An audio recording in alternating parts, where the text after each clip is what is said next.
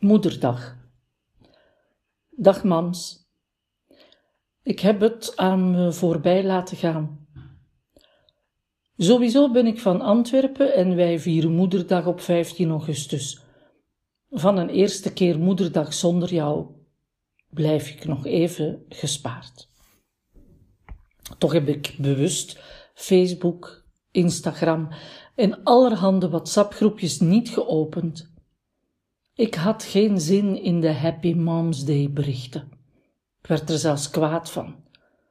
Afgelopen vrijdag voelde ik ineens een immense haat voor iedereen die moederdag zou vieren. Het lekkere ontbijt van de mannen in mijn eigen huis heb ik opgegeten. Maar onder ons gezegd en gezwegen, het had een bittere smaak. Maar dat is wat moeders doen. Hun eigen pijntjes verdragen omwille van hun kinderen.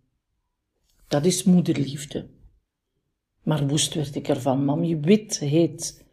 Niet eerlijk tegenover de rest van de wereld natuurlijk, maar ik kon niet anders dan een immense golf van razernij voelen die me overspoelde, zoals ik soms ook verdrink in verdriet. Het enige wat ik nog kon doen was mijn hart op slot zetten en een rationele geest openen. Werken, schrijven, nadenken over de inhoud van de opleiding, plannen. Sommigen drinken en vluchten in drugs. Ik ga nadenken. Ik kwam ervan tot rust, van dat nadenken, omdat het weer zorgde voor de volgende creatie. Een nieuw hoofdstuk aan de brochure, een volgende teksttheorie, mijn visie over de vorm van rituelen die steeds meer hm, vorm krijgt. Circulair denken in plaats van lineair. Chaos in plaats van orde. Meer rommel in mijn atelier. Overal papier en kleur, boeken die in het rond slingeren.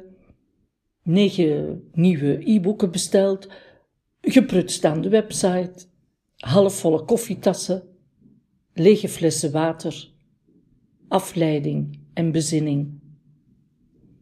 Bericht aan mezelf Ruim je atelier op tegen de volgende lesdag. Moederdag is een heel oud ritueel. Als we teruggaan in de tijd, komen we uit bij de moedercultus in het klassieke Griekenland, die met hun rituelen voor Rhea, de moeder der goden, het moederaspect vereerde. Wij, die van stad, vergelijken onze moeders dan weer met de moeder van Jezus, een heilige vrouw. De moderne variant van mij is overgewaaid uit de steeds en oorspronkelijk zelfs een dag van herdenking van iemands dode moeder. Het lijkt dus gepaster om gisteren moederdag te vieren. In ons geval dan toch. Maar dode moeders herdenken staat voorlopig niet mee op mijn lijstje van gelukkige momenten. Het gaat niet over, mams. Ik leer er alleen mee leven. Ik leer mezelf aan om te gaan met deze verandering. Moederloos zijn. Het is echt ontzettend uitputtend. Het vraagt zoveel energie. We zijn vier maanden verder en ik doe nog steeds maar wat. Ik spreek zo weinig mogelijk af want meer dan de helft van mijn afspraken moet ik verzetten, omdat ik te moe ben. Omdat ik het die dag maar moeilijk vind om bewust de draadjes in mijn hoofd stuk voor stuk opnieuw te verbinden met geluk. Voorlopig is het voor mij nog elke dag zonder moederdag.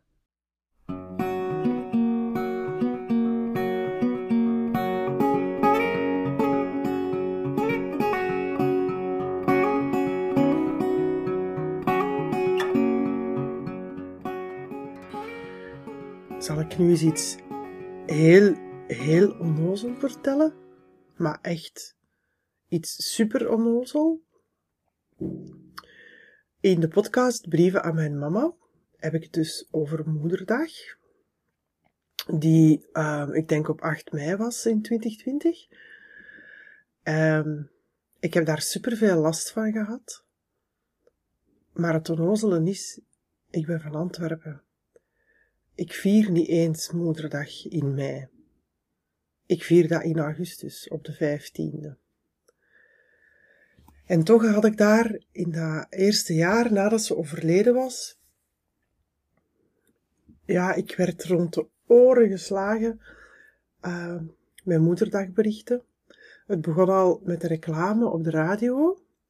Het begon met reclame op televisie. Alle mogelijkheden om cadeautjes te kopen. Het begon met uh, Instagram-posts, waar dan mensen dan lieten zien welke mooie cadeaus dat ze hadden gekregen, of welk er fantastisch uitziend ontbijt, of hoeveel flesjes champagne dat ze al achter de kiezen hadden. En uh, ja, ik, uh, ik kon dat niet verdragen. Ik kon dat niet verdragen en, en dat, is, dat is echt heel onnozel, want wij vieren dat niet in mei, maar daar gaat het natuurlijk niet om. Het gaat om het feit dat ik dat niet kon verdragen, omdat ik constant geconfronteerd werd met het feit dat mijn mama er niet meer was. En, um, en het tweede, nog onnozelere ding is, dat we dat bij ons in de familie eigenlijk niet eens zo heel fel vieren. Het is niet zo dat wij dan van die grote familiefeesten hebben, waar, waarbij dat dan uh, moeder een hele dag in de bloemetjes wordt gezet of zo. Integendeel.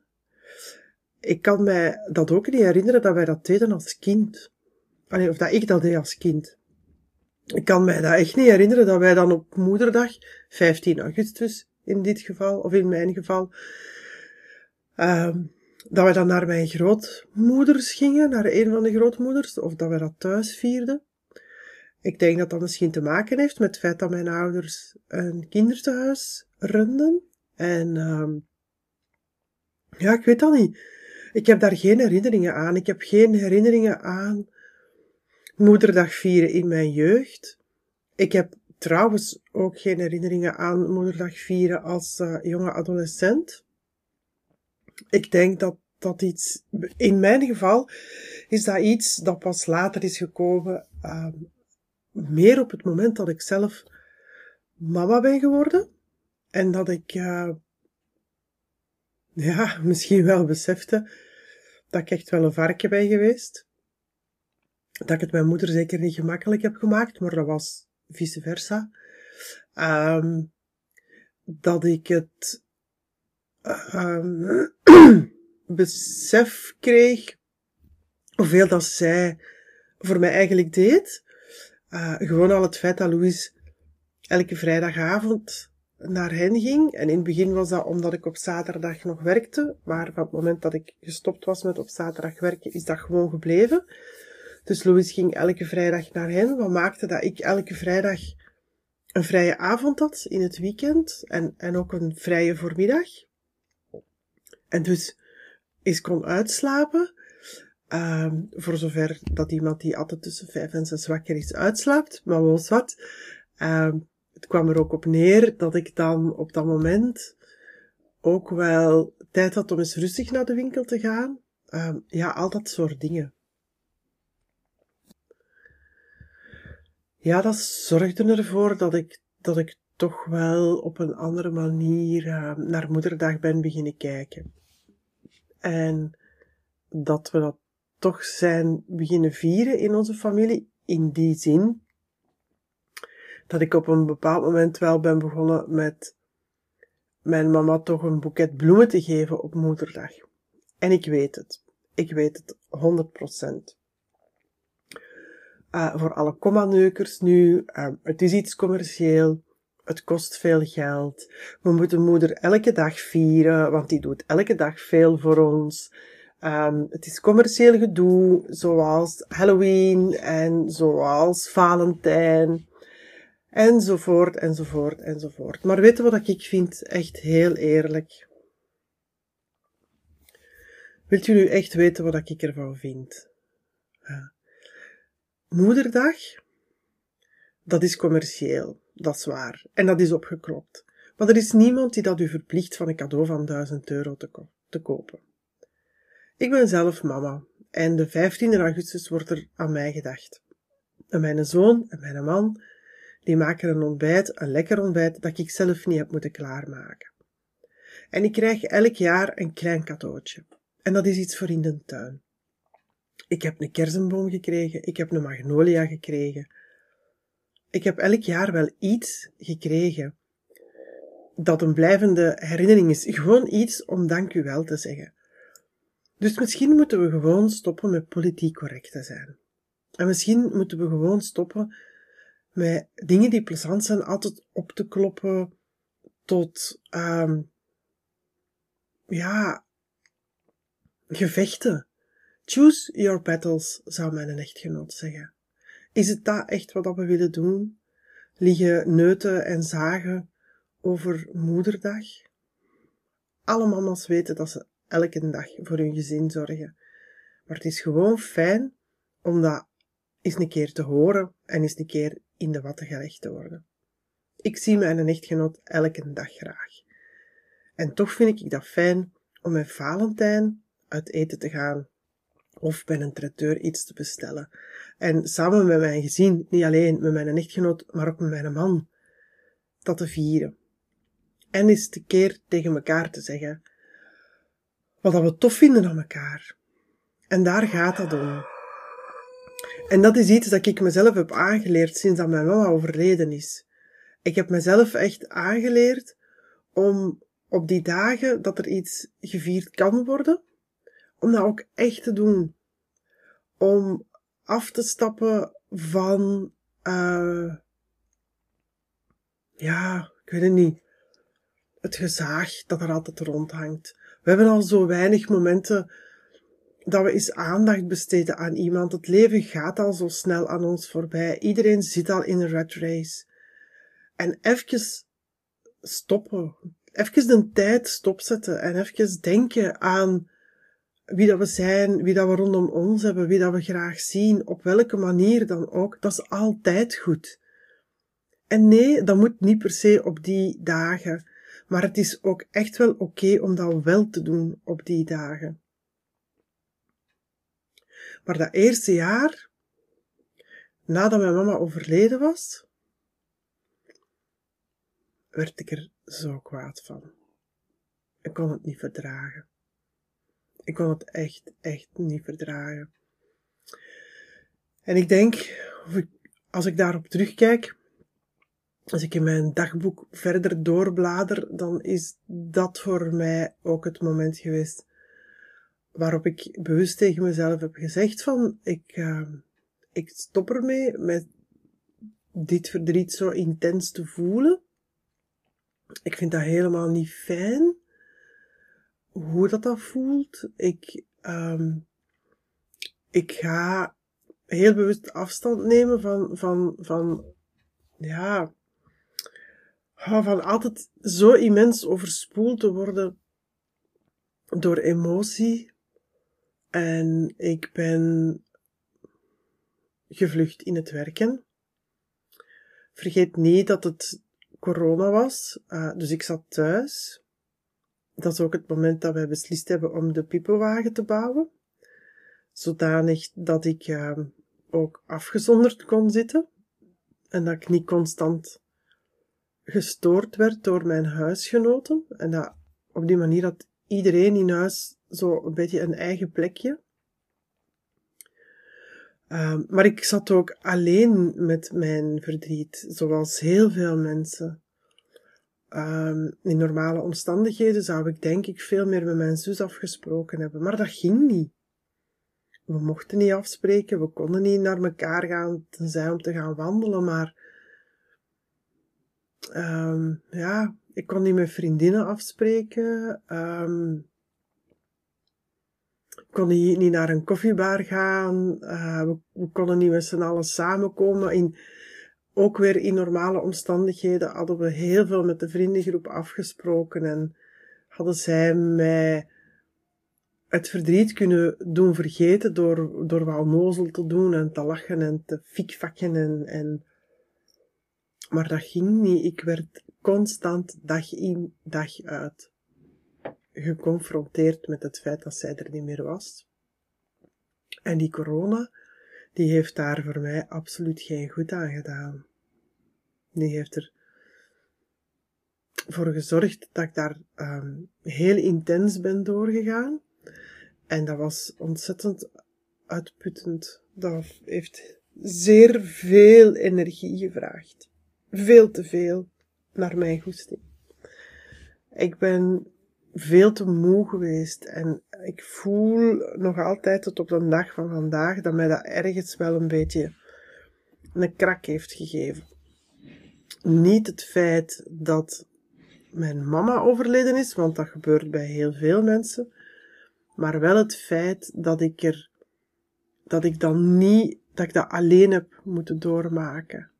Um, zonder mensen rondom mij die mij daarbij hadden kunnen helpen, die ervoor hadden kunnen zorgen dat ik daar toch, dat dat, hmm, ik ga het woord luchtiger noemen, dat dat toch luchtiger was, dat dat toch wel, um, ja, ik, ik, ik kon ook niet, niet, allee, ik kon dat wel, maar ik ben op den duur ook gestopt met te blijven zeggen tegen Edward hoe ik mij voelde en dat ik mij zo verdrietig voelde, want elke keer als ik dat zei, voelde hij zich nog nuttelozer dan dat hij zich al voelde.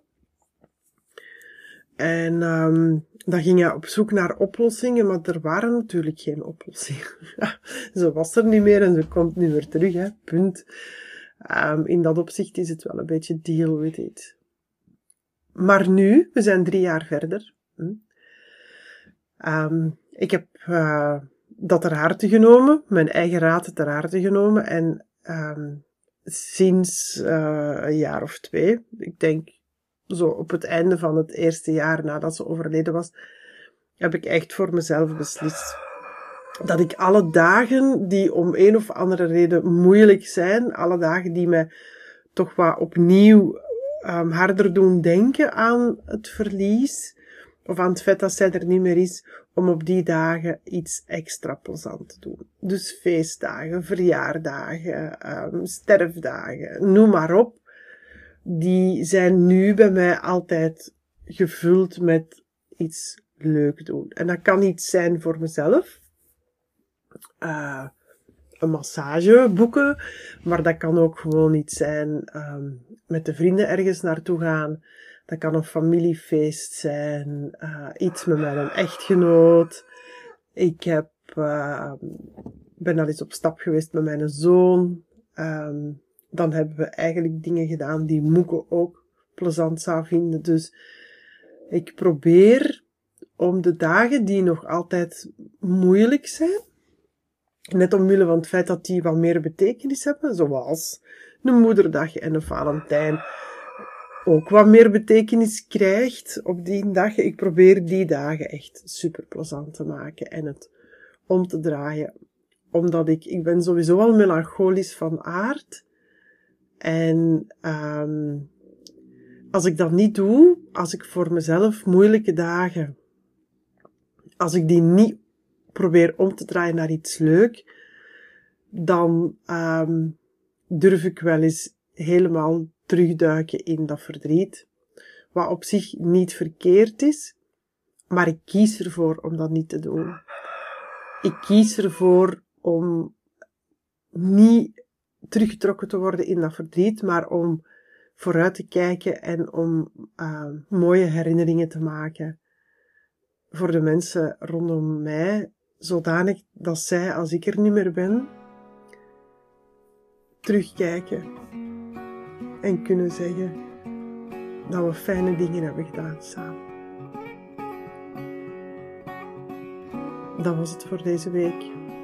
Tot volgende week. Bye bye.